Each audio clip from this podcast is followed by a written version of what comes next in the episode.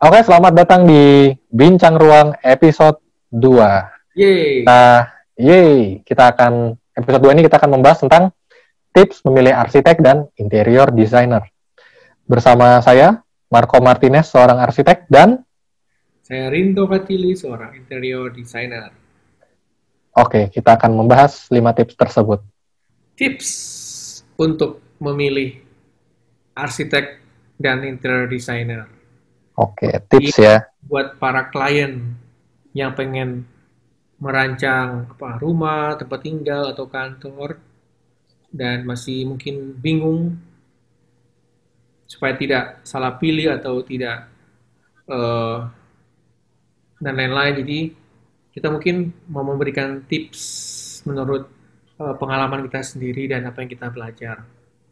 Ya. Sehingga klien pun bisa tidak kecewa ya memilih dengan tepat eh, arsitek dan interior designernya yang bisa mendesain eh, proyeknya baik itu rumah ataupun eh, bangunan lain seperti itu. Ya. Jadi fokusnya mungkin untuk bisa membantu Klien. orang awam juga ya, ya calon-calon klien yang ingin menggunakan jasa arsitek dan interior designer. Tujuannya seperti itu. Eh, sebelumnya mungkin thank you dulu untuk yang sudah meluangkan waktu untuk menonton episode 1 kita. Yoi. Jadi eh, sebenarnya kita nih membuat ini secara spontan ya sebenarnya Ya. dan kita terus mengevaluasi juga supaya eh, konten yang kita bagikan tetap eh, bisa terus berkualitas dan bisa mengedukasi kita semua ya tentang arsitektur dan interior designer. Betul. Sebenarnya mungkin mulai dari hmm, mulai dari apa ya kepedulian kita terhadap eh, terhadap apa ya keresahan keresahan kita terhadap eh, berjalannya profesi arsitektur dan interior designer Di Indonesia. di Indonesia Ya. dan mungkin juga keresahan kita tentang eh, kondisi eh, masyarakat Indonesia yang mungkin belum belum familiar dengan dengan eh, penting pentingnya jasa arsitektur dan interior designer makanya akhirnya kita ya buatlah ini eh, sebenarnya sih semacam forum untuk diskusi ya jadi kita sebenarnya sangat ingin kalau penonton mau ada yang ikut diskusi langsung di komen aja gitu Bertanya atau ya bertanya. Jadi kita pengennya pengennya ada dua arah ya, bro. betul. Jadi, Jadi ada dua arah. Benar. Dan disclaimer bahwa kita bukan bukan bermaksud untuk menggurui atau bukan bermaksud bahwa kita yang paling benar, tapi seperti yang sudah tadi kita kita eh, bahas bahwa kita cuman ingin membuka forum diskusi gitu. Tujuannya untuk supaya orang lebih familiar aja dengan arsitektur dan interior designer. betul. banget. Begitu. Oke, langsung aja mungkin ya ke topik. Ya, Ke tips, kita ada lima tips yang kita mau bagikan. Langsung ke tips nomor satu mungkin ya. ya. Apa bro tips nomor satu? Tips nomor satu harus tentukan budget atau budgeting. Budgeting. Budgeting, budgeting apa maksudnya? Budgeting untuk eh, fee design dan konstruksi. Dan konstruksi. Jadi Ya. harus ada dua budget ya. Betul. Karena itu Hmm. saling berhubungan. Ya, betul. Jadi ada budget membangun dan ada budget untuk desainnya. atau merancang.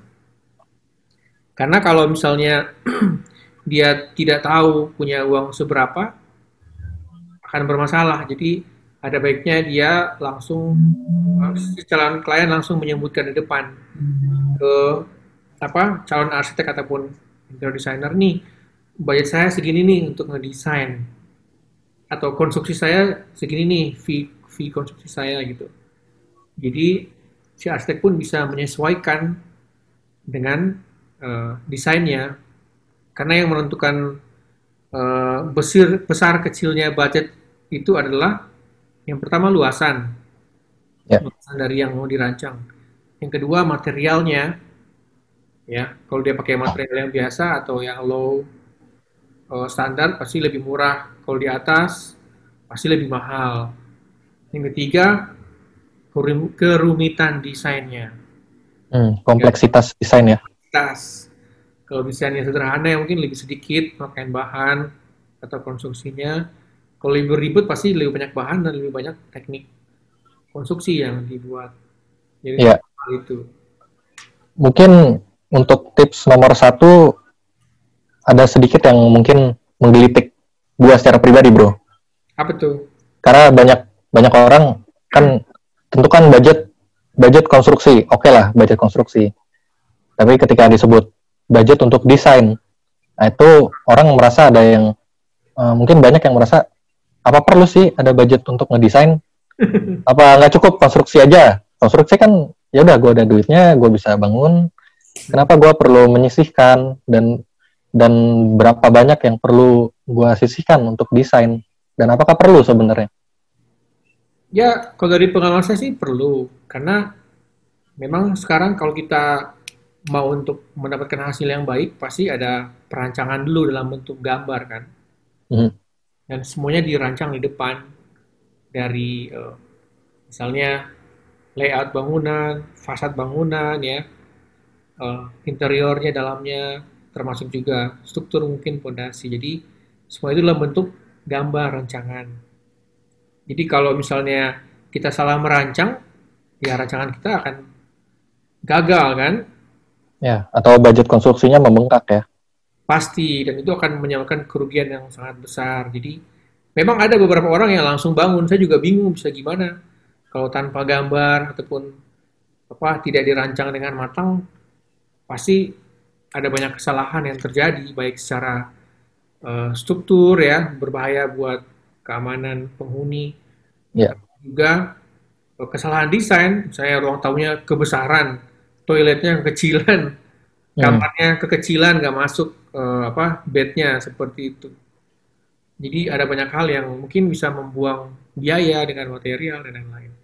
Ya. Itu dengan Dan perancangan khusus buat mengoptimalkan eh, desainnya, space-nya seperti itu, sehingga ruangnya ya. ruangnya sehingga bisa didapat budget yang ideal. Ya. Hmm, Kalau di perancangan dulu kita bisa utak-atik kan. ya, betul. Atik kalau udah dibangun, wah itu biaya semua tuh, bongkar, Ya, betul. tukang, biaya tukang dan lain seperti itu. Mungkin eh, ada ada beberapa istilah mungkin yang orang mungkin belum familiar ya. Iya. Mungkin ada ada sering disebut desain arsitektur, desain interior interior. Hmm. Terus tapi ketika kita membahas tentang desain arsitektur dan desain interior, sering kali juga dibahas disebut adalah perancangan atau merancang.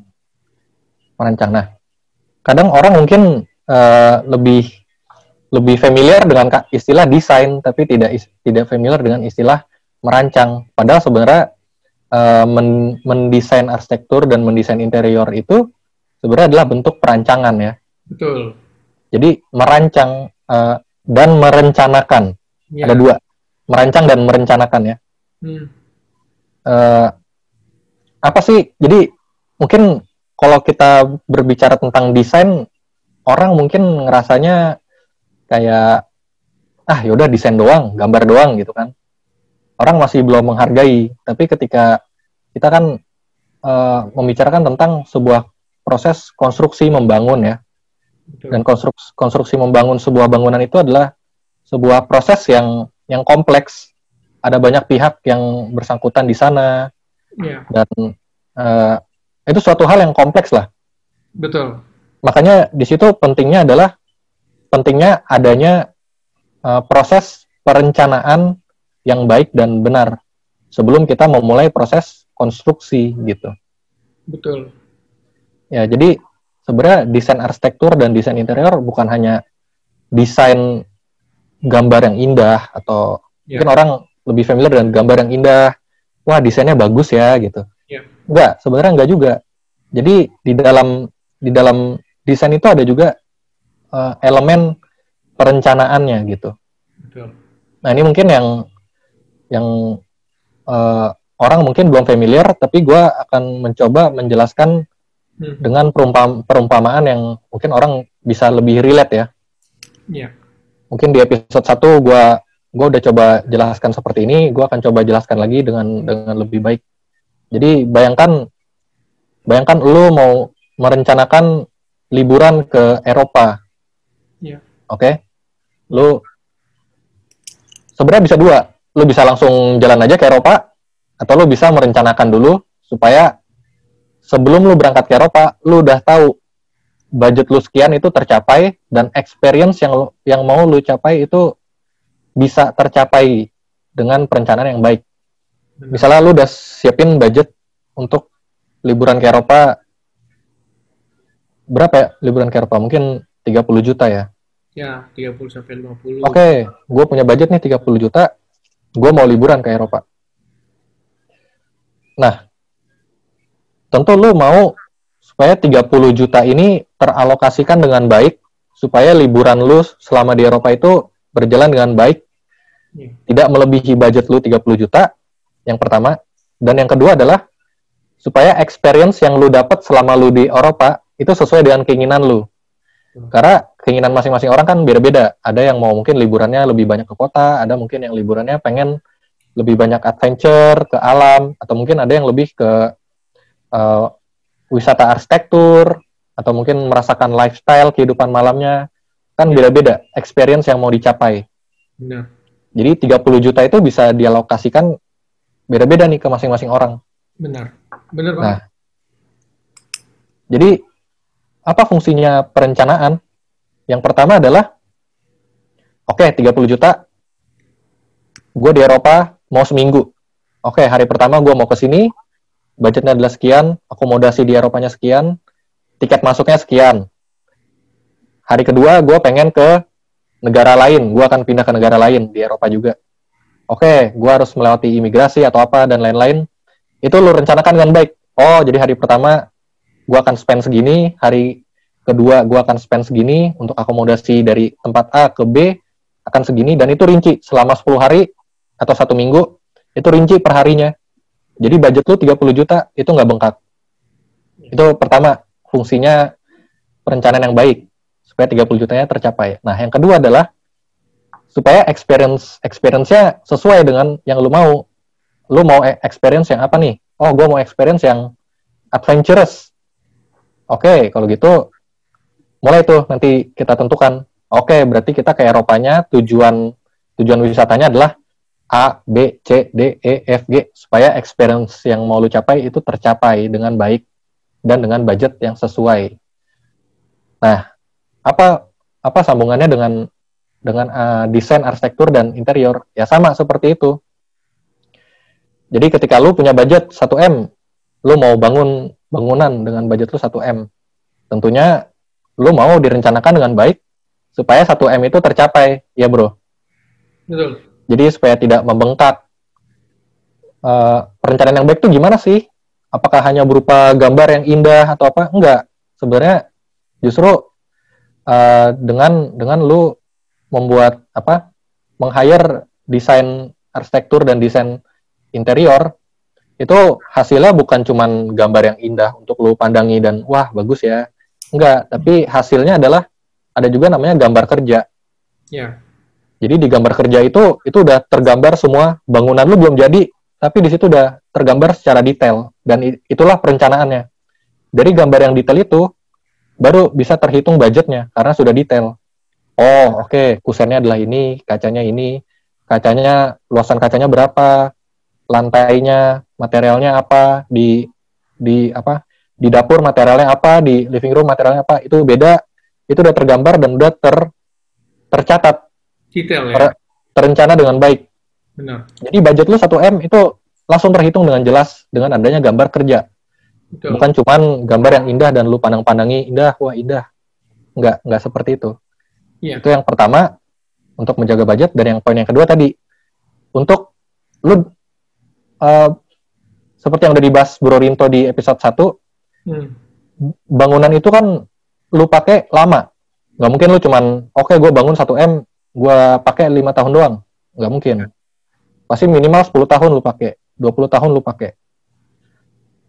Selama 20 tahun itu pasti lu mau bangunan lu memberikan experience yang sesuai dengan yang lu mau. Yeah. benar kan? Dengan perencanaan yang baik, seperti yang tadi gue bilang, hmm. Itu akan lo lo akan mendapatkan uh, experience yang lu mau di bangunan yang lu bangun itu selama let's say 20 tahun lu pakai. Karena kalau lu nggak rencanakan dengan baik dan lu langsung main main tembak, lu langsung pergi ke Eropa. Oke, okay, gua nggak pakai gua pakai nggak pakai rencana, gua langsung pergi ke Eropa. Nanti pasti ada pasti ada aja yang salah dan nggak sesuai dengan experience lu gitu. Experience yang lu mau. Dan itu lu pakai 20 tahun gitu. Kalau lu ke Eropa mungkin lu cuma seminggu. Ah ya udah seminggu selesai, experience-nya nggak sesuai ya udah. Life goes on. Tapi kalau bangunan lu pakai 20 tahun, experience-nya nggak sesuai yang lu mau, nah lu mau ngomong apa 20 tahun? Mau bangun lagi? Ya bisa aja gitu. Cuman, ya. iya, mungkin itu makanya pentingnya ada ada uh, proses merancang atau proses mendesain sebelum lu membangun. Makanya tadi ada dua ya bro. Benar. Uh, budget konstruksi dan ada budget desain. Betul. Mungkin untuk lebih detail mungkin banyak yang belum familiar uh, berapa sih sebenarnya budget mendesain itu uh, secara persen kali ya persen dari budget konstruksi kalau budget konstruksi mungkin orang ngerti tapi berapa persennya sih dari konstruksi itu budget desain ya sebenarnya sih kalau orang pun patokannya kan uh, banyak yang bingung juga dia pun nggak tahu konstruksinya berapa karena dia belum ada rancangan kan. Iya. iya ya. Iya kan dia nggak tahu berapa budgetnya. Masih nembak-nembak aja ya.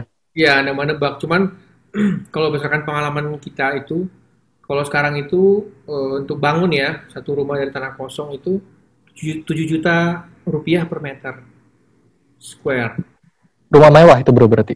Uh, rumah ya menengah lah standar. Menengah ke atas ya? Ya, ya jadi menengah jadi 7 juta meter itu kan masih roughly secara hmm. kasar. Hmm.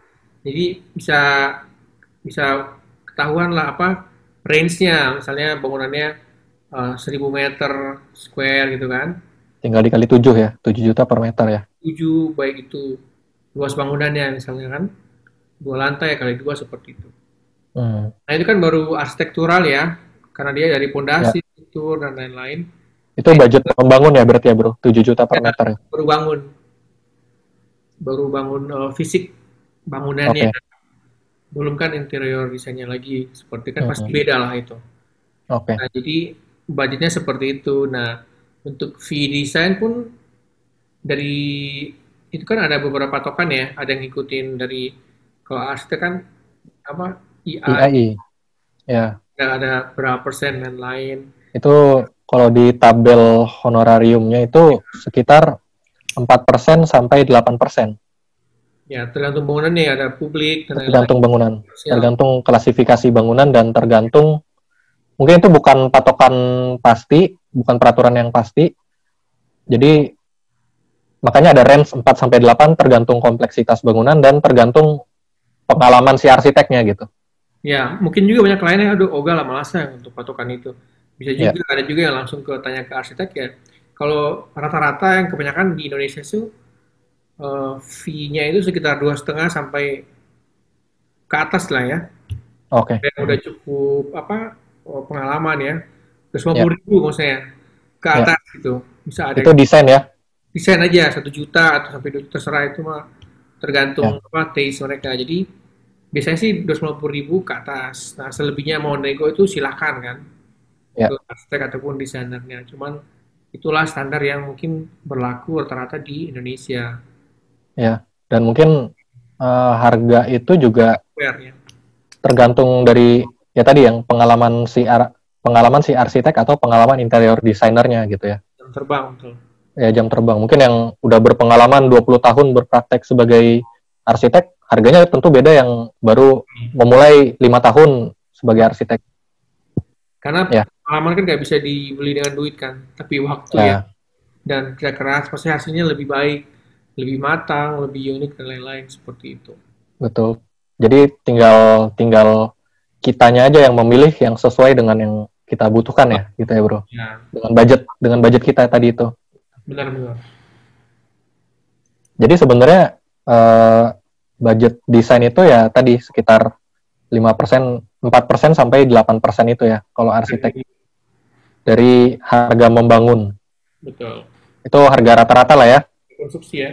Ya, harga rata 4% sampai 8% dari harga konstruksi. Jadi itu kan sebenarnya jumlah yang relatif kecil ya. Ya, Kalau diban kalau dibandingkan dengan resiko resiko kegagalan atau resiko penambahan biaya ketika perencanaannya tidak baik atau salah ya benar. atau salah. Ketika perencanaannya tidak baik, mungkin kalau lagi apes-apesnya penambahan biayanya bisa 30% kali ya, Bro. Nyampe ya. Ya, pernah benar. Dan mungkin ini banyak orang yang merasa sayang duitnya di Hmm. perancangan ya. Ya, Experience di klien, aduh sayang banget ya eh, perancangannya itu apa duitnya di ke desain gitu. Jadi emang seperti itulah eh, prosesnya kan. Ada juga yang seperti tadi kita sempat discuss yang design and build, hmm. yang apa desainnya di free kan ya. ya itu ada ada juga tuh. Mungkin kita bahas di poin 4 kali ya, Bro. Boleh, boleh itu nanti poin 4 Ya, ya. nanti kita bahas di poin 4 itu menarik juga tuh. Iya, iya, iya. Ya, jadi Budget, budget itulah ya, cukup lah ya. ya ya Cukup. ya oke. Jadi sebenarnya intinya eh, mahal atau enggaknya ya tergantung perspektif kita melihatnya. Tapi eh, ketika kita tahu bahwa eh, ada resiko penambahan biaya sampai 30%, menurut gue pribadi sih Rugi. lu ya lu spend lebih baik lu spend di 5% untuk biaya perencanaan supaya lu meminimalisir peluang eh, peluang pembengkakan biaya konstruksi sampai 30% itu gitu. Berarti kan lu udah hemat 25% kan sebenarnya. Ya bener ya, Bro. Kalau orang yang berpikir secara smart, ya kayak gitulah Ya, cara berpikirnya. ya, betul. Tentukan Dan ya kayak yang tadi experience lu 20 tahun selama tinggal di bangunan itu berapa sih yang bisa value gitu? Hanya dengan 5% saja. Iya, karena benar tentukan budget. Jadi kita Ya. tentukan budget dulu, sanggup apa tidak gitu kan. Kalau belum sanggup ya nabung dulu mendingan Nabung dulu. nabung dulu buat biaya konstruksi dan lain. Ya, Kayaknya ada juga yang apa? Yang dia desainnya wah mewah banget, mahal tapi budgetnya cuma segitu. Akhirnya nggak kebangun juga. ya betul. Nabung Disesuaikan ya. Sesuaikan ya, Bro. harus eh, real gitu. Disesuaikan dulu kalau masih kurang ya mendingan tabung dulu. Ya, betul. Dan juga dari tabungan yang udah kita tabung ya, coba aja sisihkan 5% buat kalau bisa ada biaya untuk perencanaan ya, seperti itu ya, Bro. Benar, kalau nggak dirancang ya mau jadi apa kan rumah itu? Ya, supaya Kira ya. tabung, tabungan yang udah kita tabung itu nggak terbuang sia-sia Betul. untuk biaya-biaya yang tidak terduga itulah, Benar, benar. gitu ya. Iya. Oke, perlu ada yang dibahas lagi untuk tips nomor satu ini? Pula kita ke next tips. Oke, next tips apa, Bro? Taste design. Oke, tentukan taste desain yang kamu mau ya. Betul, yang sesuai dengan experience atau passion dari si arsitek ataupun interior designer. Jadi Hmm. eh, si klien tuh harus melihat dulu portofolionya. Kalau perlu dia bisa apa eh, ngobrol-ngobrol, bisa talk eh, Ya. dengan arsiteknya ya bisa lewat apa telepon atau video call apa pun itu. Eh, tesnya cocok nggak gitu kan? Hmm. Jangan si kliennya pengen yang klasik tapi ternyata arsiteknya itu belum pernah bersentuhan dengan desain gaya klasik. Klasik. Masih Ya. dia bisa. Hmm. Ya kan jadi betul. cobaan kan. Jadi itu sangat penting untuk bisa mengetahui eh, tes desainnya sesuai dengan arsitek yang akan eh, Di hire ya. Atau interior designer yang mau di hire juga ya. Ya karena eh, taste itu kan mungkin subjektif ya. Ya dan pribadi. Jadi pribadi masing-masing orang mungkin berbeda dan arsitek ataupun interior designer juga mungkin punya taste-nya sendiri.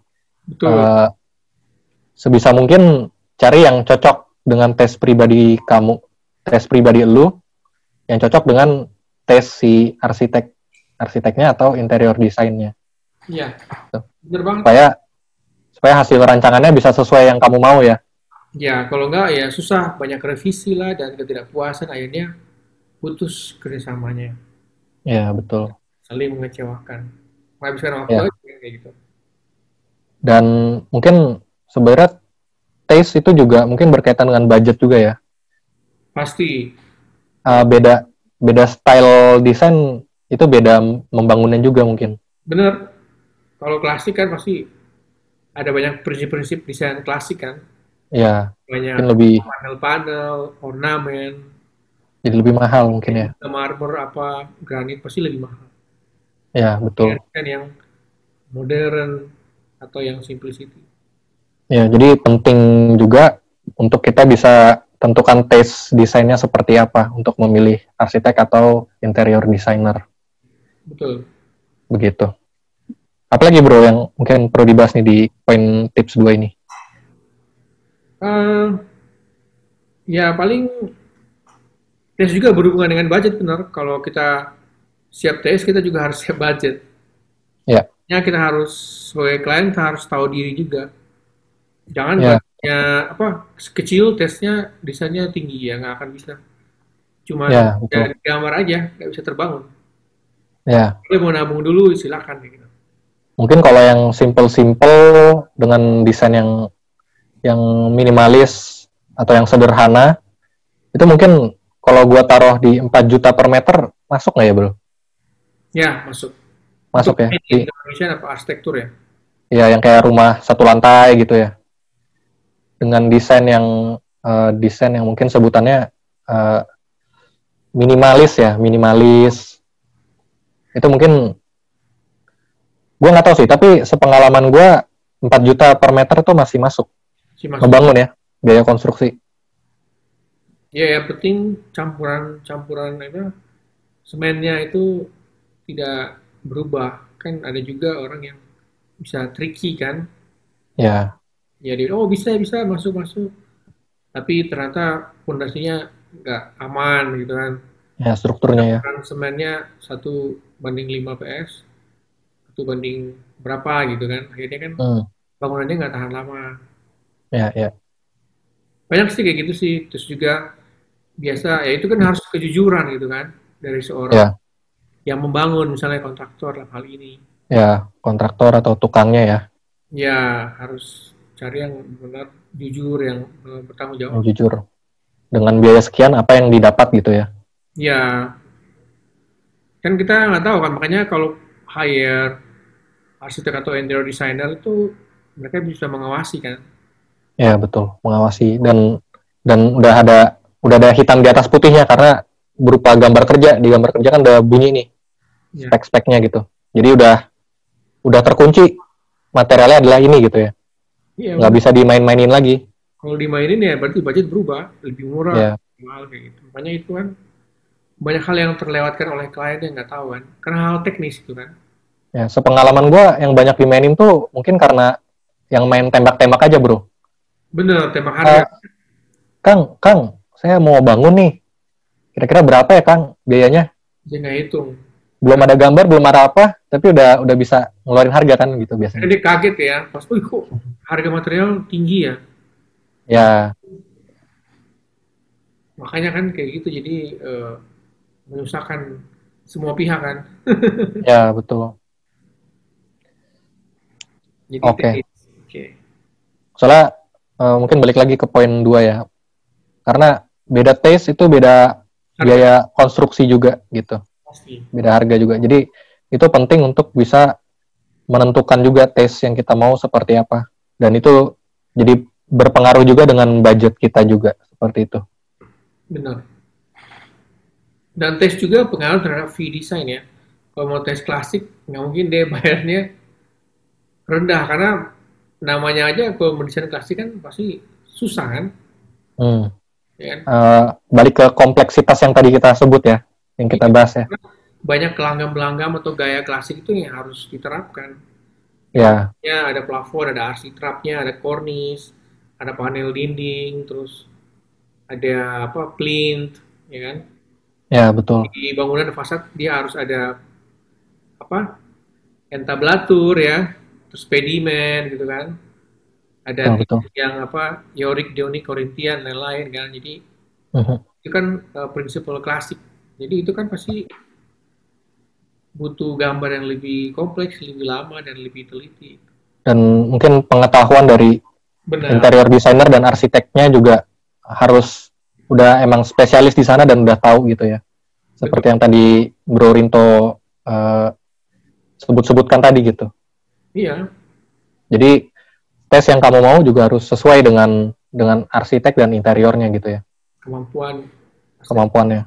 Karena beda spesialis, pengetahuannya juga beda dan output desain yang desain atau perencanaan yang dihasilkan juga nanti pasti akan berbeda gitu. Pasti. Ya, Makanya yang paling utama sih lihat portofolionya dulu. ya lihat portofolio untuk untuk sesuai nggak dengan tes yang Ya, lu mau gitu ya. kalau sesuai ya boleh di apa dihubungi enggak ya cari yang lain seperti itu. Iya, betul. Oke. Ada lagi yang perlu dibahas di poin 2? Cukup sih. Cukup ya. Kita pindah ke poin tips ketiga. Pilih arsitek atau interior yang kamu merasa cocok. Mirip-mirip ya, tapi agak agak beda, agak beda. Ya, tadi kan taste out Taste ya, ya. Kalau ini kan komunikasi antar manusia. komunikasi. Betul. Ini penting juga nih. Penting. Gimana bro? Mau lu dulu? Iya, kalau saya sih penting. Kita mungkin kalau misalnya dia bisa lihat video-videonya di YouTube atau apa, misalnya si arsitek atau desainer sudah terkenal ya, terus mungkin dia bisa hubungi lewat WA atau bisa wawancara via apa video call kan bisa ketahuan enak nggak diajak komunikasi. Karena itu penting karena kalau kita nggak komunikasi dengan baik, ya adanya bisa susah berantem, salah paham dan lain-lain. Ya mungkin si kliennya banyak revisi gitu dan lain kan tapi si arsiteknya atau desainernya aduh ini kok revisi melulu bla bla gitu kan. Jadi, Hmm, hmm. akhirnya nggak dicapai kesamaan yang Iya. baik atau mungkin eh, arsiteknya nggak sabaran gitu kan. Aduh nih jadi tanpa Ya. komunikasi dan lain-lain ya. Mungkin kayak eh, nggak mendengarkan klien dan kliennya yang tipe yang keras atau yang mau cepat-cepat, tapi desainernya yang tipe monggo ya ya monggo monggo dulu. ya ya ya, geh geh. kecocokan tuh penting gitu jadi eh, Ya, harus cocok ya. ya misalnya enak bisa kerjasama seperti itu jadi karena kan Betul. proses perancangan bisa cukup lama dan juga si arsitek ataupun desainer akan mengawasi saat pembangunan kan Ya, betul. Eh, kayak gitu ada lagi, Bro? Kalau nggak ada, gue pengen tambahin juga, Bro. ya silakan Eh, karena eh, kecocokan itu penting dalam dalam hal komunikasi ya, karena eh, desain arsitektur dan desain interior tuh mungkin masuk klasifikasinya adalah eh, jasa konsultasi ya, ya konsultan dan konsultan maksudnya. Dan ya namanya konsultan tentu erat kaitannya dengan komunikasi. komunikasi Eh, ya komunikasi itu menjadi sangat penting dan dan itu adalah suatu bentuk eh, apa ya bukan bukan bekerja tapi eh, bentuk kolaborasi sebenarnya lebih ke kolaborasi. Bahwa bahwa klien dan si arsitek atau interior ini ingin berkolaborasi untuk menghasilkan satu hal sat- atau satu tujuan yang sama gitu ya. Dan di situlah makanya pentingnya eh, kecocokan itu dalam dalam hal komunikasi. Karena kalau nggak cocok komunikasinya berantakan itu nanti bisa bisa eh, proses peren- proses perencanaannya tidak baik atau mungkin nanti ketika konstruksinya juga juga banyak slack juga gitu. Ya. makanya penting pentingnya kecocokan adalah di sana. Dan dan poin yang kedua adalah karena eh, kolaborasi antara si eh, mungkin kita sebutnya klien atau owner ya. Kolaborasi antara owner dan si desainer ini eh, akan berjalan lama gitu. Berjalannya lama karena ya namanya kita membangun bangunan gitu. Nggak mungkin nggak mungkin dalam satu malam seperti Candi Prambanan selesai kan? Oke selesai. Kolaborasi kita selesai sampai sini. Terima kasih ya pak. Ya terima kasih pak. Selesai satu malam. Nggak mungkin kan ya? Oh, jadi, pasti itu jadi pemandangan saya baru tahu dalam semalam dibangun ya. legendanya kan begitu bro legendanya. Ya. Oke. maksudnya maksudnya proses perencanaan sendiri itu bisa lama loh, bisa mungkin Gantung sih ya bisa tiga bulan enam bulan ya bro. Ya, Mungkin ada yang bisa sampai setahun juga gitu. Tergantung proyeknya sih, besar kecil proyeknya.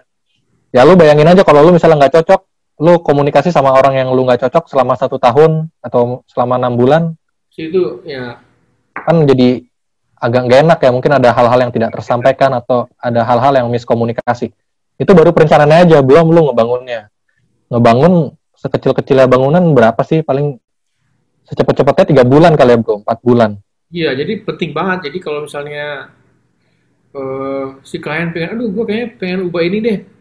Si asli, jangan lah itu nggak sesuai dengan apa yang saya desain gitu. Nah, itu susah kayak gitu kan. Jadi ya akhirnya terus kliennya itu kan yang punya duit saya gitu ya. Saya kan analisa, nah jadi adanya nanti putus kerjasamanya gitu. ya betul Pentingnya itu kecocokan ya, komunikasi. Dan mungkin mindsetnya adalah kolaborasi gitu. Ya, kolaborasi. kolaborasi. Mindsetnya kolaborasi. Jadi emang oke ini adalah partner gua yang gua berkolaborasi untuk menciptakan sebuah bangunan yang gua pengen. Supaya terjalin komunikasi yang yang juga baik dengan desainernya gitu ya. Bener banget. karena ya karena banyak juga yang mindsetnya adalah eh, master dan servant gitu ya. Apa ya Iya. tuan tuan dan pelayan gitu itu juga nggak baik juga sebenarnya secara komunikasi jadinya Jadi sebenarnya ya tujuannya klien maunya apa, si arsitek di sana itu mewadahi. Ya. Ya, tapi dia kan memberikan eh, ilmunya dia kan. Karena kan klien pasti mau ini itu, tapi klien kan nggak punya spesifik skill di bidang perancangan. Nah, itu udah kasih tahu, oh, ini nggak bisa mentok teknis, oh desainnya nggak oke kayak gini. Jadi itu pentingnya si apa arsitek atau interior designer ya. Klien pun nggak boleh ngomongnya kan yang punya duit saya gitu kan. Nah, saya dong, ini saya ubah ini nih. Ya pasti saya Ya. bilang ya Bu, kalau gini-gini saya nggak akan bertanggung jawab ya. Ini di luar ranah saya karena ini menurut saya secara teknis itu tidak benar perancangan seperti itu. Kan banyak betul itu. Makanya saat dia gunakan eh, profesional itu kan butuh kan, ya kebutuhan gitu kan. butuh masukan ya Butuh masukan, jadi betul Klien juga harus tahu posisinya sebagai apa, sebagai klien. Begitu juga arsitek posisinya sebagai apa. betul jadi jadi emang sebenarnya kan di hire untuk memberikan konsultasi Konsultasi, atau solusi. betul masukan jadi ya pasti eh, arsitek ataupun interior designer yang baik tentunya akan memberikan konsultasi dan masukan yang sebenarnya menguntungkan bagi ownernya gitu Betul.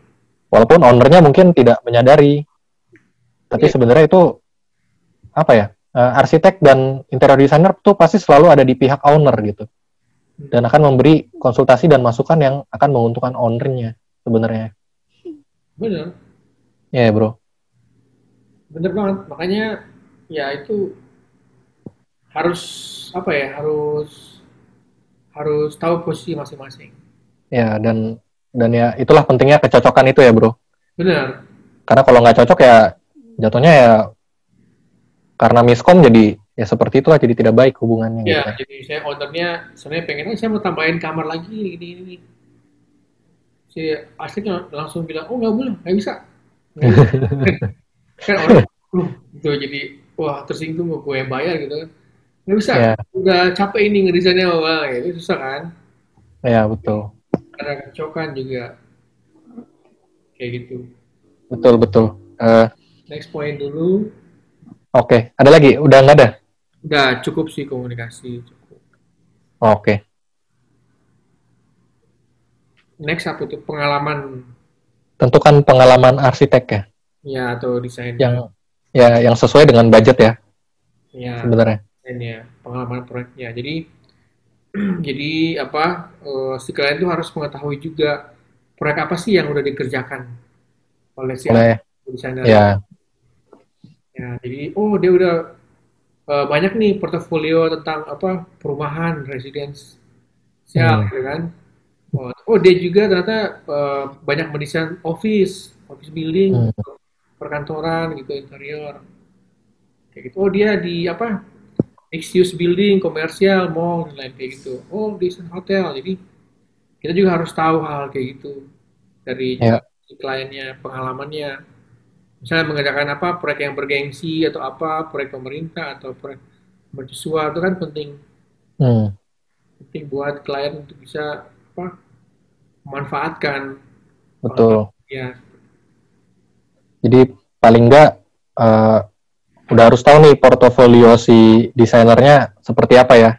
betul Dan eh, ada banyak hal sih yang perlu dipertimbangkan ketika melihat eh, portofolio si arsitek atau interior desainernya itu. Yang pertama tadi ya apa sudah berapa lama mungkin pengalamannya Hmm, dan kalaupun sudah lama eh, desain apa saja eh, bangunan apa saja atau fungsi bangunan apa saja yang sudah pernah didesain karena kan tiap-tiap bangunan mungkin beda dan pengalamannya juga jadi berbeda dong. Pasti. Ada yang mungkin sudah ahli mendesain office benar. tapi tapi belum berpengalaman mendesain rumah misalnya. Betul, betul. atau sebaliknya ada yang berpengalaman mendesain rumah tapi tidak berpengalaman mendesain office.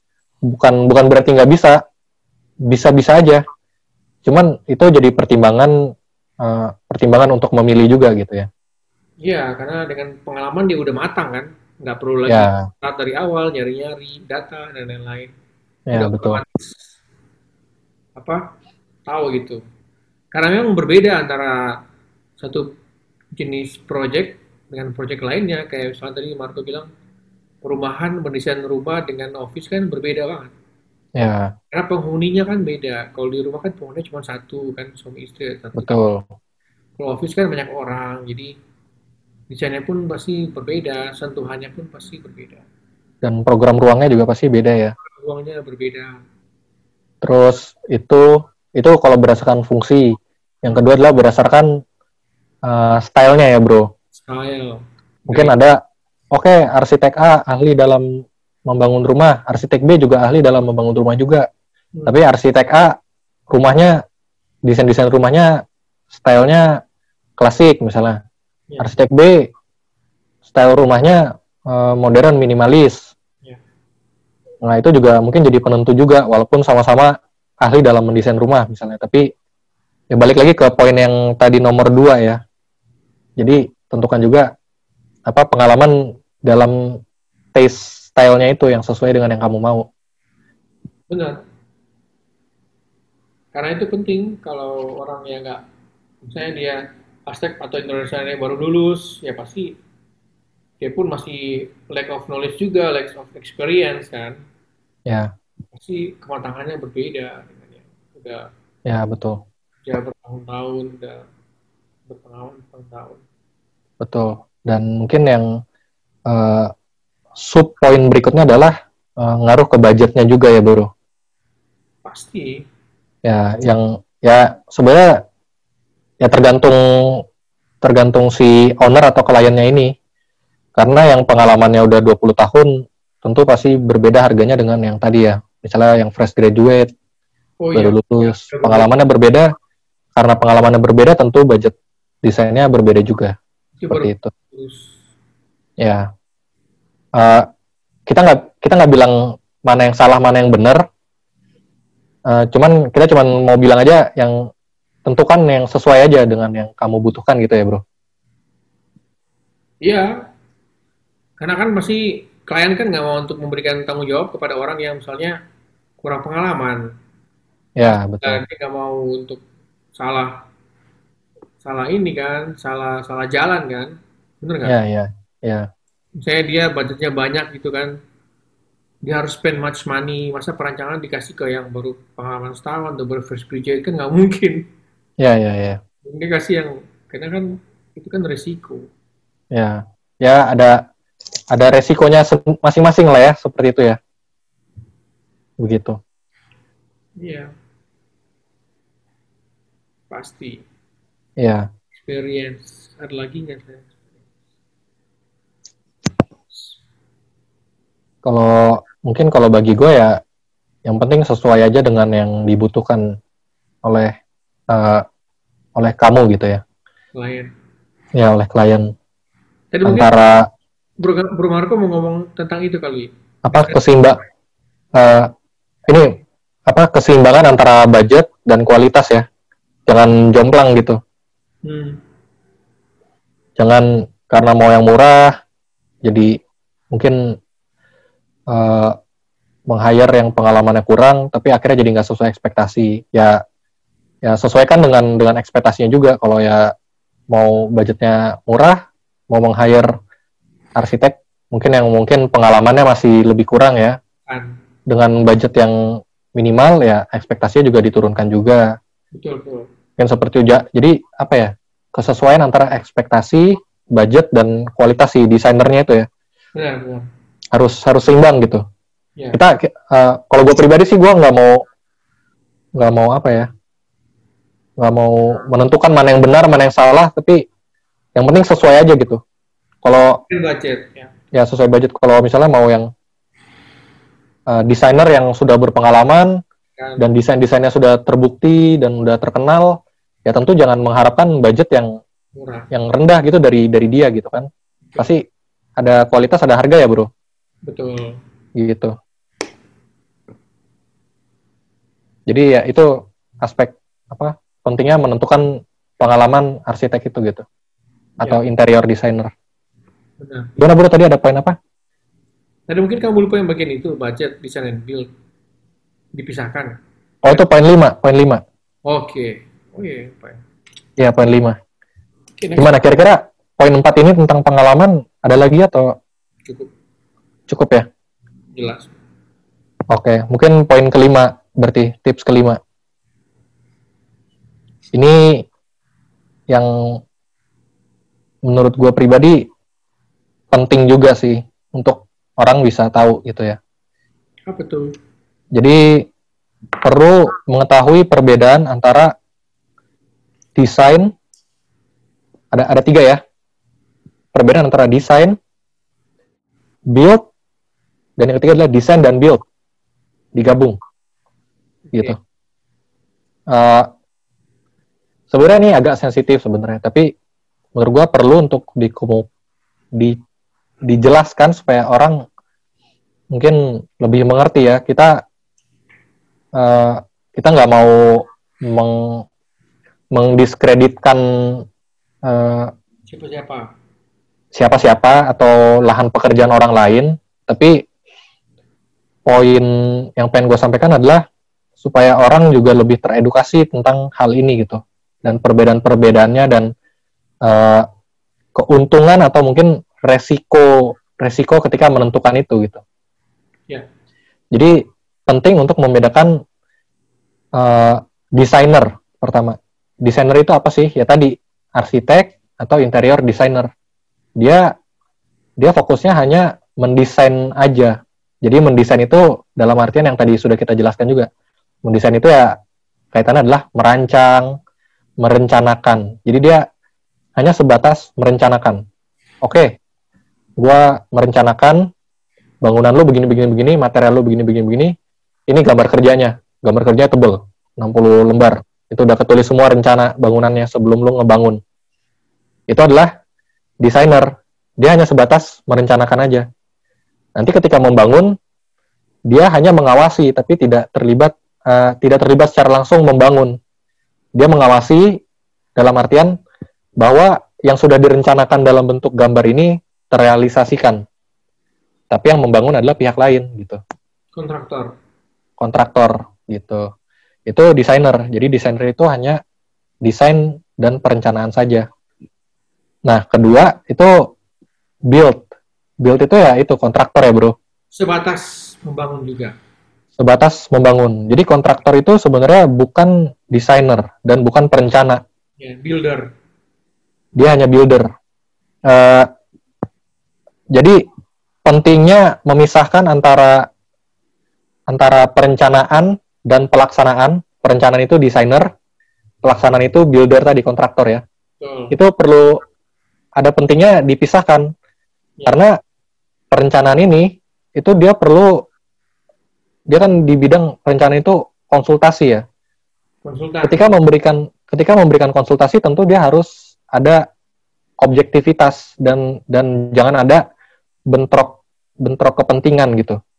Jadi kepentingan dia adalah supaya si owner atau klien ini puas. Itu aja kepentingannya. Jadi dia bisa objektif memberikan masukan dan nasihat untuk owner dan klien. Jadi harus dipisah nih dua ini. Jangan disatukan. Kalau builder ya dia membangun. Tentu dalam membangun dia tidak merancang, dia tidak memberikan ya masukan hanya sebatas masukan dalam dalam hal teknis membangunnya gitu, tapi bukan dalam teknis uh, merancang. Dalam artian kayak menentukan material misalnya. Iya, Uh, kayak menentukan material kan tentu ada ada kon, ada konflik kepentingan ya bro, sering kali di situ. Itu lebih baik yang menentukan material ya tentunya si perancang. Ya pasti ya perancang bro. Perancang yang menentukan material. Namanya kan atau, hanya sebagai pelaksana bangunan. Betul. Jadi si builder ini hanya menerima, oh ini material mau pakai apa? Oh mau pakai ini apa? Uh, keramik misalnya. Oh kalau keramik tuh harganya segini, nah gitu. Walaupun ya banyak juga yang builder, kontraktor itu backgroundnya arsitek ataupun interior design, tapi dia hanya sebatas memberikan masukan yang menentukan nanti ada revisi perubahan itu adalah atau revisi perubahan yang berkaitan dengan permasalahan teknis di lapangan ya, ya. itu adalah si arsitek, arsitek sendiri ataupun desainer. Ya. Ya, mentang-mentang juga kontraktor backgroundnya arsitek, ya seakan-akan mau untuk mengubah ini itu kan tanpa ada konsultasi ke uh, si apa arsitek yang di hire ya. desainer. Uh, ya mungkin uh, agak susah sih jelasinnya. Gue mungkin coba menjelaskan pakai perumpamaan kali ya bro. Gimana? Yang mungkin lebih familiar untuk dimengerti. Uh, gue coba jelasin kayak gini. Ada ada dokter ada yang jual obat. Oke? Okay? Jadi si dokter ini nggak boleh ikutan jual obat gitu. Dokter tugasnya adalah mendiagnosa penyakit lu apa, kemudian memberikan resep. Oh, lu sakit ini, obat lu adalah A, B, C, D gitu. Dan dia harus objektif kan, ketika dia menulis resep itu. Uh, dia bukan penjual obat soalnya, jadi dia objektif, nggak ada kepentingan untuk menjual obat. Yeah. Uh, ngerti ya? yang jual obat beda lagi. Yang jual obat itu menerima resep dari dokter. Oh resep dari dokter ini, oke okay, obatnya ini, ini gue jual ke lu nih obatnya, gitu. Jadi nggak ada konflik interest nih antara si dokter dan penjual obat. Gitu, ngerti ya? Kalau misalnya digabung nih, si dokter ini adalah penjual obat juga misalnya. Ini tanpa apa ya? Ini cuma perumpamaan aja ya, perumpamaan untuk untuk gue menjelaskan lebih baik. Ketika si dokter ini uh, juga adalah sebagai penjual obat, ketika lu ber, berkonsultasi dengan dia, dia ada kepentingan untuk menjual obatnya kan jadinya. Yeah. Jadi ketika oh dok saya sakitnya ini ini ini, nah dia mau memberikan sehat atau masukan atau diagnosa yang objektif jadi gue nggak bilang dia jahat tapi apa ya ada godaan untuk dia ngejual obatnya juga kan jadinya. Ada konflik kepentingan juga. Jadi ketika dia memberikan konsultasi atau resep obat juga jadinya uh, apakah benar nih obat yang dia kasih itu obat yang sesuai dengan penyakit lu atau itu obat yang emang dia jual supaya dia dapat keuntungan juga dari obat itu gitu ngerti ya maksudnya ya Iya makanya uh, harus jelas batasan ruang pekerjaannya ya jadi ya itu makanya ya tadi si dokter ini maksudnya adalah si desainer ya perencana jadi dia hanya untuk mendiagnosa, oh masa lalu lu apa? Oke, masa lalu ini, gue kasih resep. Resepnya itu dalam bentuk desain kan? Hmm. Apa, perencanaan. Nah, oke, okay, sebatas itu. Habis itu baru ada si kontraktor. Kontraktor ya tinggal dikasih resepnya ini nih. Ya udah dia bangun sesuai resep yang dikasih. Ya, si, nanti ya begitu ya kira-kira. Ada ada masalah teknis pastilah misalnya. Oh ternyata mending ini dalamnya ada struktur gitu kan. Jadi kan harus yeah. desainnya oleh si desainer atau arsitek kan. Pasti yeah. RAB pun berubah juga gitu. Betul. Ya tentu kontraktor juga sebenarnya mereka ahli juga ya bro. Pasti mereka ahli juga. Mereka ahli juga dan dan mungkin kadang-kadang uh, apa ya hubungan antara kontraktor dan desainer itu adalah hubungan koordinasi tapi tidak ada hubungan hubungan apa ya Konflik. hubungan keun mencari keuntungan di sana nggak ada gitu baiknya Jadi Ya. sebatas Sama-sama punya keahlian kan. ya, Di kontraktor punya keahlian eh, builder, mungkin dia dari teknik sipil tentang konstruksi dan lain-lain ya. Begitu juga dengan arsitek ataupun desainer punya keahlian merancang. ya dan ada Harus ada kayak posisinya masing-masing ya, Bro. betul. Ada posisinya masing-masing. Nanti kan Dan- akhirnya eh, eh, apa si si apa? Misalnya ada permasalahan di lapangan nih, kontraktor komunikasikan dengan si desainer, desainer yang tinggal memikirkan, memberikan solusi, terus seek advice, mungkin konfirmasi ke owner ini mau gimana gini gini nih, Ya, gini gini biaya tambah, kalau gini gini ganti material gitu, oke nggak gitu? ya. Karena eh, ada ada juga hal-hal yang mungkin kontraktor lebih ahli karena kontraktor kan ahli lapangan ya, Bro. Betul, teknis di lapangan dan kadang-kadang di lapangan ada masalah-masalah yang terjadi dan itu itu ranahnya kontraktor yang untuk betul. Pak di sini ada masalah nih di lapangan Hmm, ternyata di dalam tanah 2 meter ada batu gede gitu kan ya. Eh, ya itu gitu itu itu kontraktor ahli di, di, di lapangan gitu dan ya si desainer arsitek dan interior designer ini ya dia hanya eh, merencanakan mendesain dan merencanakan Ya, tapi eh, ada porsinya masing-masing gitu ya arsitek desainer pun pasti harus mengetahui tentang pengetahuan umum secara struktur. Iya betul. Secara struktur. Misalnya pernah ada dosen saya sih cerita dia kan eh, waktu itu bekerja sebagai arsitek. eh, mereka membangun perkotaan loh, kawasan gede kan. Hmm. Terus ada satu saat itu eh, ada pembangunan di tepi pantai atau apa yang butuh tiang panjang. Jadi pakai hidrolik itu kan. Hmm, hmm. Jadi karena eh, si arsitek ini udah pengalaman dengan semua itu, dia udah tentukan oh untuk eh, memukul tiang panjang ke bawah ini harus pakai apa? Yang sistem hidrolik itu apa? Paku bumi yang hidrolik itu ya. Oh iya iya. Kekuatan Yang kencang, yang ya, kencang. ya kekuatan segini dan diameter segini gitu. Hmm. Nah, si kontraktor ini nggak melakukan hal itu, mungkin karena Hmm. biaya atau cepat dia pakai yang tipe lebih kecil. Oh kayak mini pile gitu. bisa tembus lah.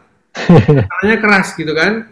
Ya ya. Tangannya keras. Jadi dia bahkan lapor ke ini ke arsiteknya, Pak ini nggak bisa Pak ininya Pak nggak tembus-tembus ini tangannya keras banget gini-gini Pak. Gimana Pak ya gini-gini. Nah saya nggak tahu dia emang nggak tahu atau motifnya apa. Mhm. Terus si arsiteknya bilang, saya udah sesuai belum dengan yang saya kasih datanya itu? Harus pakai yang diameter segini, yang apa paku buminya yang segini, yang hidrolik, maksudnya tipe inilah gitu. Oh Hmm. kita belum nggak pakai itu, kita pakai yang lebih kecil ya, pastilah. Nah coba Hmm. sesuai dengan yang saya kasih tahu, karena dia eh, taruh itu dengan knowledge, bukan sembarang Ya. kalau saya experience dia dengan hitungan semuanya kayak gitu. Jadi akhirnya Ya, bisa beneran. Jadi sebenarnya eh, arsitek pun harus punya pengetahuan struktur. Pengetahuan di situ juga ya. Teknis juga ya. Iya dong. Jadi kalau enggak, karena kita nggak tahu juga kontraktor juga kan pasti ada yang juga Ya betul betul. apa kurang berpengalaman, ada yang sudah berpengalaman, atau ada yang nggak tahu, nggak ngerti, atau sengaja seperti itu. Ya. Pada intinya sih sebenarnya berarti secara pengetahuan sebenarnya kontraktor juga punya pengetahuan yang mungkin mirip-mirip seperti desainer juga dan desainer juga punya pengetahuan secara teknis yang mungkin mirip-mirip seperti kontraktor juga ya bro. Ya sebenarnya sih Yang ya, agak beda karena kontraktor lebih banyak membangun. Ya betul. Hanya posisi posisinya saja yang berbeda ya bro. Sebenarnya kalau ya kuliah pun beda. Kalau sebenarnya kontraktor yang benar kuliahnya pasti teknik sipil. Ya ya betul betul. Kalau yang merancang pasti arsitek. Ya, Ya, ya. senior ya. Ya secara teknik sipil tuh emang nggak kuliahnya nggak merancang, tapi membangun, menghitung beban, lain-lain. Ya. Sebaliknya kalau arsitek pun juga tidak membangun, tidak menghitung beban secara dalam dan lain ya. Ya. Ini Merancang seperti itu. Jadi emang berbeda. Ya, intinya dalam sebuah proses perencanaan dan proses pelaksanaan itu ada pihaknya masing-masing yang punya porsinya masing-masing. Ada Dan itu tetap harus dijaga porsinya masing-masing supaya tidak ada eh, konflik of interest ya. benar. Jadi desainer juga bisa objektif memberikan nasihat kepada owner dan kontraktor juga bisa menjalankan fungsinya dengan baik untuk membangun juga gitu. Betul. Dan tadi kan berdua nih, desainer dan builder ya. Hmm. Tadi di awal gue sebut ada tiga. Nah, yang ketiga ini adalah campuran keduanya. Oke.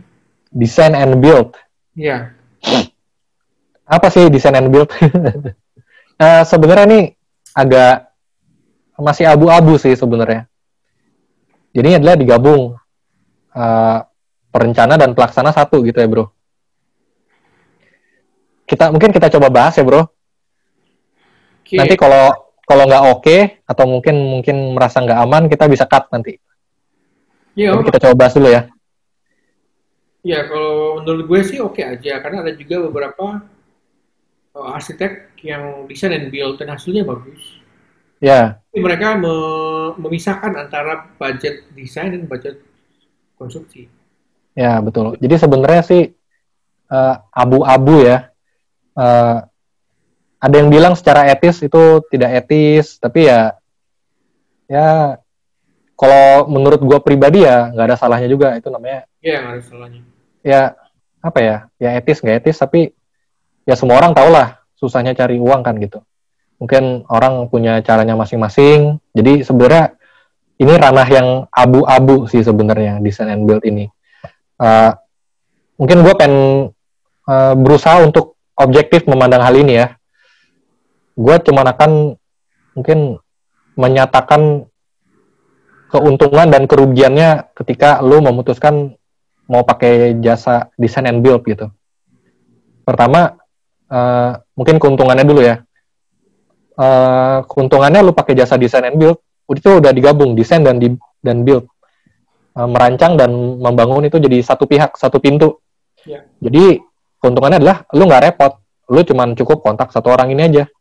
Kayak beberapa orang kan mungkin ada yang merasa, aduh repot gue ntar mesti kontak kontak si Pak A, Ibu B, Ibu Ibu C, Pak D, eh, untuk bisa koordinasi dan masing-masing si A, si B punya pandangan masing-masing, si kontraktor punya pandangan masing-masing, arsitek punya pandangan masing-masing.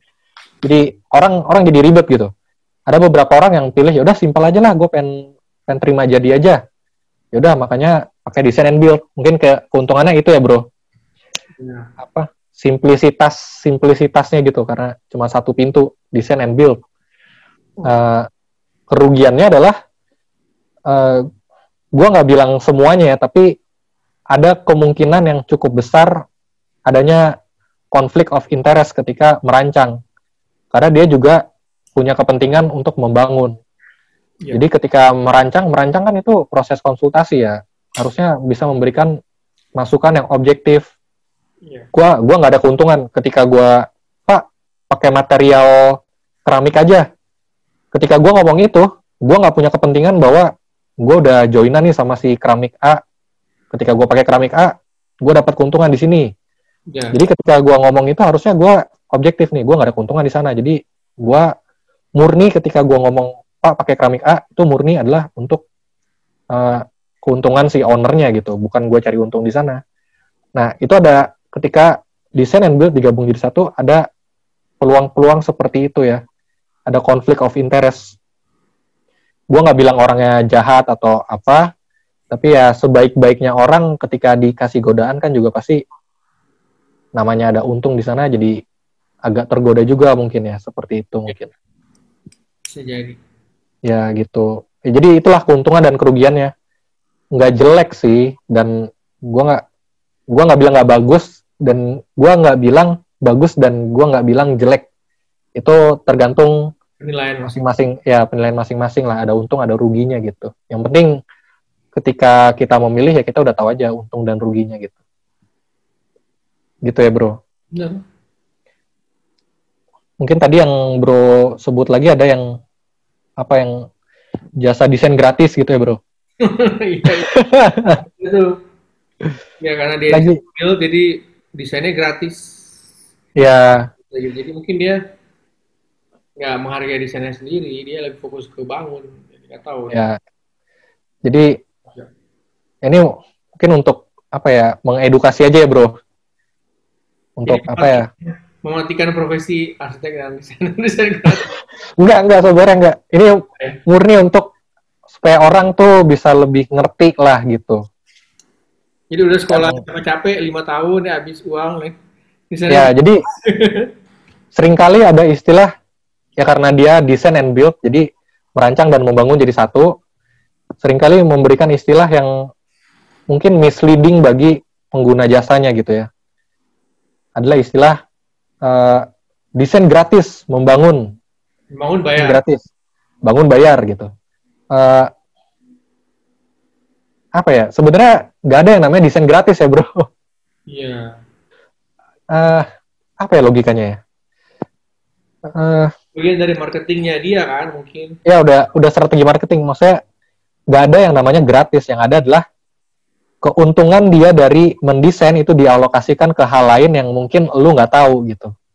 Ya. entah mungkin dari dia eh, eh, nggak tahu. Mungkin ya kerjasama dengan vendor apa atau dia punya eh, apa diskon-diskon dari material tertentu ya bro Ya atau distribusi. apalah ada keuntungan-keuntungan lain yang mungkin lu nggak tahu gitu. Dan dia ngomongnya desain gratis sebenarnya nggak gratis. Tapi lu lu sebenarnya bayar desain itu. Tapi lu ngebayar di hal yang lain yang lu nggak tahu. Ya gitu ya bro ya? Ya, jadi. Bisa jadi kemungkinan kayak gitu. ya kemungkinan begitu kita kita kita nggak tahu ya kita nggak menuduh ya bro. Wah nih bro Rinto cari aman nih. Jadi kan kayak gitu. kita kita nggak menuduh tapi maksudnya eh, pengen mencerahkan orang ya gitu ya Ya pernah juga saya punya klien juga yang dia mau desain apartemen Pak siapa gitu ya, sebenarnya Pak R lah ya. hmm. Jadi waktu itu apa pengen desain apartemen di salah satu daerah Jakarta Barat, Riau terus dia kan pakai marketplace gitu kan. Terus banyak yang hubungin dia, ada yang bilang bahkan WA atau telepon itu. Pak, eh sama kita aja Pak, kita desain build. Tenang aja Pak, desain gratis Pak. Wah, maksudnya bukan bahkan dia jadi takut gitu, kok bisa gratis? Jangan-jangan gratis ini eh, apa desainnya jelek atau kurang atau murahan kok digratisin gitu kan? Hmm. ada nilai. Desain gratis pak. Ternyata desain gratis pak. Ya ya. Bayar pastilah. Kecuali dia bilang pak ternyata pak. Desain gratis. Bangun gratis juga. Mesti orang mau. Ya intinya intinya pasti ada perhitungan bisnisnya ya yang mereka ngomong gratis gitu ya. Pasti. Nggak mungkin gratis benar-benar gratis. Pasti ada hal-hal yang dia udah plus dan minus yang dia hitung ya tetap ada keuntungan di sana dengan dia menggratiskan gitu ya. Karena ada effort kan untuk mendesain itu ada effort bukan gambar iya betul. Ada intinya gini deh. Ketika lu merancang lu pasti ngeluarin biaya operasional dong berupa jam atau waktu ya. Ya apa tiga bulan misalnya tiga bulan. Lu kerja 8, 8 jam lima hari seminggu. Itu kan berarti udah berapa puluh jam gitu. Dan dia harus membayar orang untuk melakukan itu kan?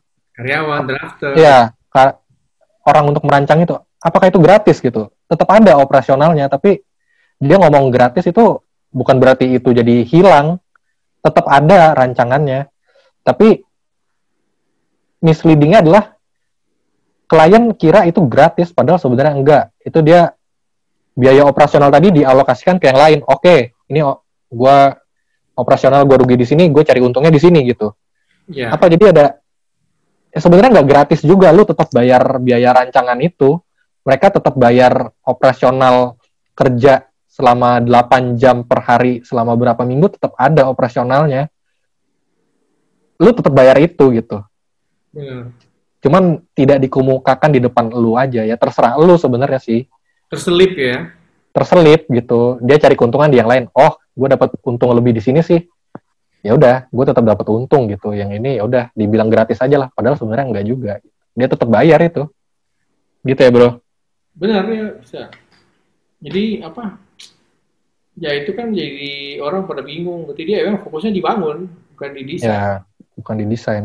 Dan itu bisa jadi kalau dia fokusnya dibangun nggak ada desain hasilnya pun nggak optimal ya Misalnya sekedar desain lah atau udah ada modul di karena kan atau ya ada konflik of interest ya iya ya harusnya eh, eh, pasiennya sakit hepatitis gitu tapi karena saya ada kepentingan untuk menjual obat DBD, saya bilang aja ini DBD gitu.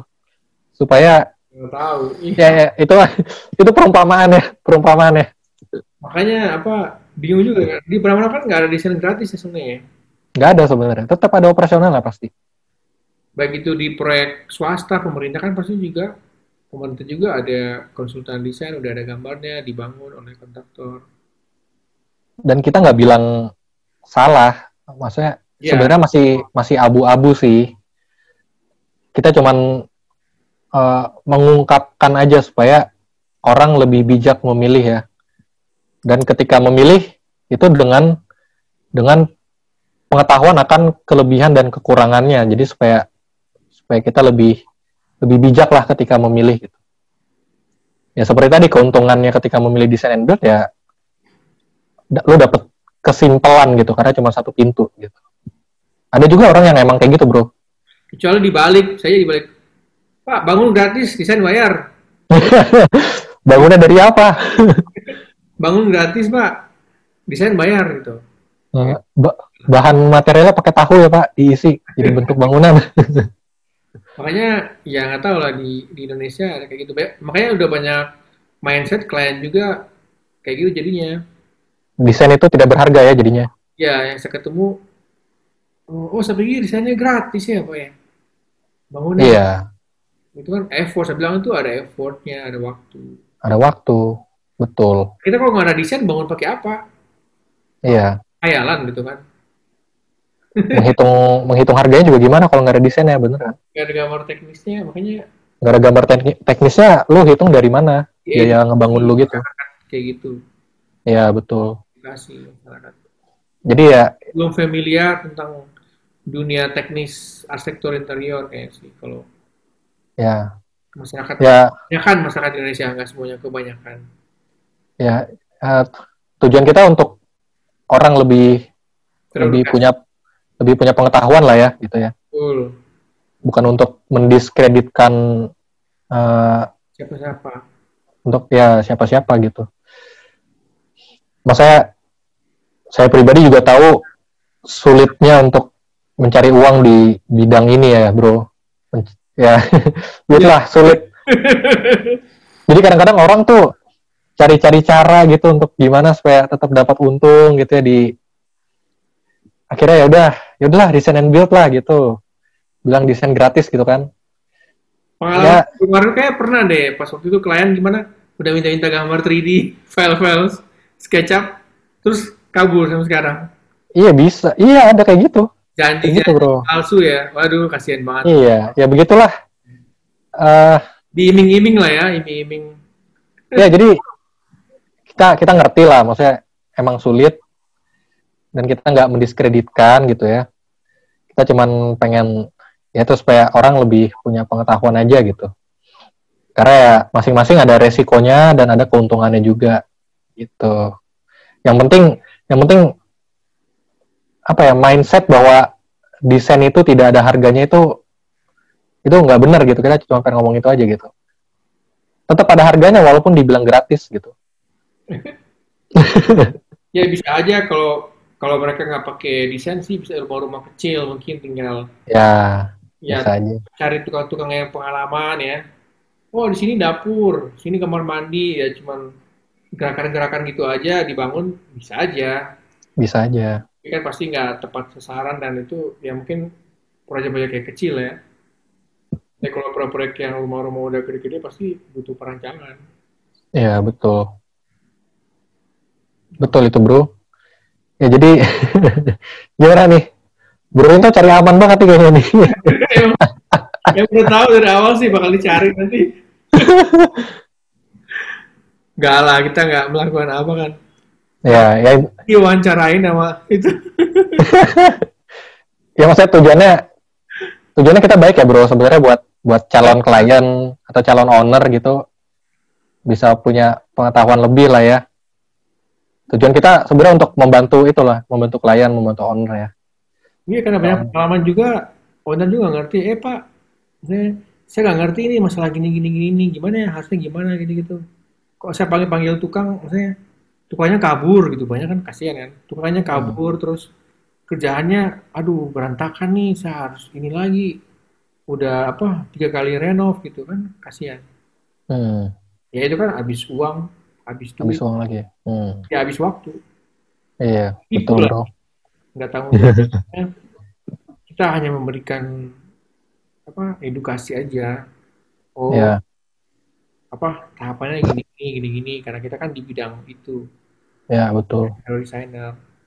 Karena kalau menurut gua pribadi secara ideal, ideal tuh artinya yang yang ideal lah, yang tertinggi, yang Ya. terbaik adalah pihak yang merancang dan pihak yang membangun itu dipisah. Itu itu kondisi idealnya seperti itu kalau menurut gua pribadi ya.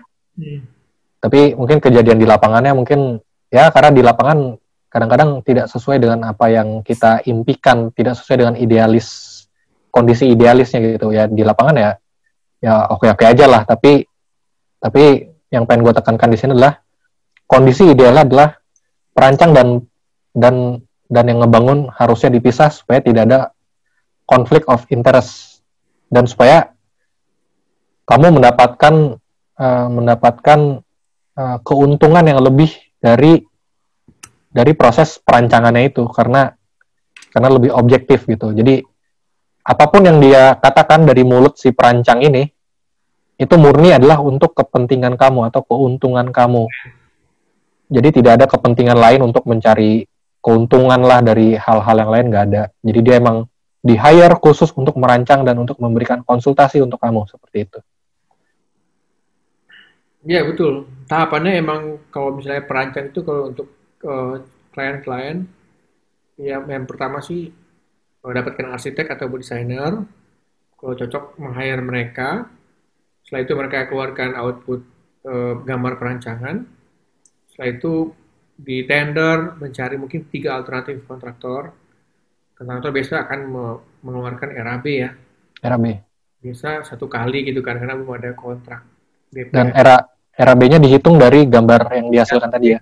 gambar perancangan itu.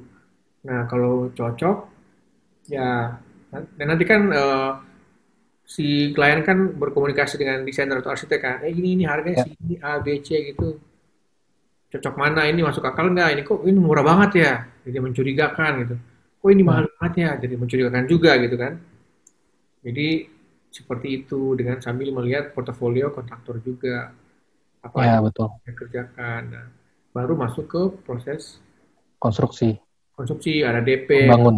ya Ya, tergantung berapa termin, tergantung kesepakatan. ya betul. Jadi Kalau proyek proyek kecil juga paling satu bulan dia masa apa maintenance ya. hmm, Satu bulan kalau proyek besar bisa tiga bulan masa maintenance. ya ya Maintenance itu artinya ada yang rusak dengan persyaratan tertentu ya. Misalnya apa ininya kelupas, catnya apa, handle-nya copot, itu masih ya. diperbaiki oleh si kontraktor. Seperti itu. Mungkin nanti mungkin kita bisa ngebahas tahapan-tahapan perancangan dan tahapan-tahapan membangun lebih detail kali ya di episode berikutnya ya, Boleh ya ya. Supaya orang mengerti gitu. Eh, jadi tadi yang Bro Rinto jelasin kayak kita meng- mendatangkan tiga kontraktor untuk mereka menghitung harga gitu kan. Tiga kontraktor ini menghitung harganya berdasarkan gambar kerja dari si desainer gitu. betul. Jadi sudah ada satu bentuknya gitu. Jadi ketiga-tiganya menghitung berdasarkan ini nih, supaya nanti bisa diperbandingkan antara ketiganya.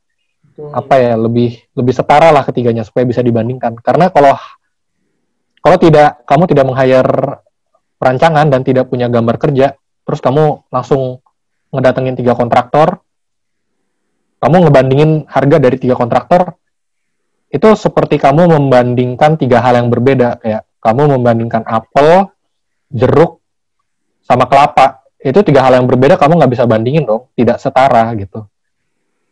Jadi tujuannya tujuannya adalah ada gambar kerja supaya si tiga kontraktor ini menghitung harga berdasarkan si gambar kerja yang sudah dirancang ini supaya sama-sama nih apel A, apel B, apel C. Sama-sama apel kamu bandingin harganya. Oh, apel A harganya sekian, apel B harga sekian, apel C harga sekian. Seperti itu supaya supaya bisa dibandingkan ya, Bro. Betul. Makanya itu perlunya ada gambar kerja supaya bangunannya belum ada tapi udah tergambar nih secara perencanaan di sini jadi terhitung bisa dihitung secara detailnya dari situ. Iya, dan klien pun bisa cek juga di web, oh ini bener nggak? Ya, Ini harganya per meter segini, oh jangan-jangan ini kita dibohongin lah kan? ya. Oh, gitu. Jadi bisa cek juga harganya nih bener nggak gitu ya. Ya di webnya kan udah sekarang masa internet udah gampang, semua transparan kan. Ya, Itu mungkin di next episode lah ya. ya next episode lah kita bahas lebih detail ya. Ini. Hmm. Mungkin tadi udah ada lima tips. Ya, Mungkin gua simpulkan ya sebagai penutup ya. boleh secara singkat ya. Jadi lima tips memilih arsitek dan interior designer ala ala kita berdua ya. Ya, kita nggak bilang ini yang paling benar ya, tapi ini opini kita. Lima tips ini adalah nomor satu, tentukan budget membangun dan budget desain. Jadi ada dua budget ya. Yang kedua, tentukan tes desain yang kamu mau. betul. Yang ketiga, yang ketiga adalah pilih arsitek atau interior yang kamu merasa cocok. Yang tadi untuk komunikasi ya, untuk ada hubungan yang baik lah karena cocok. Yang keempat, tentukan eh, eh, pengalaman arsitek yang sesuai dengan yang kamu mau gitu.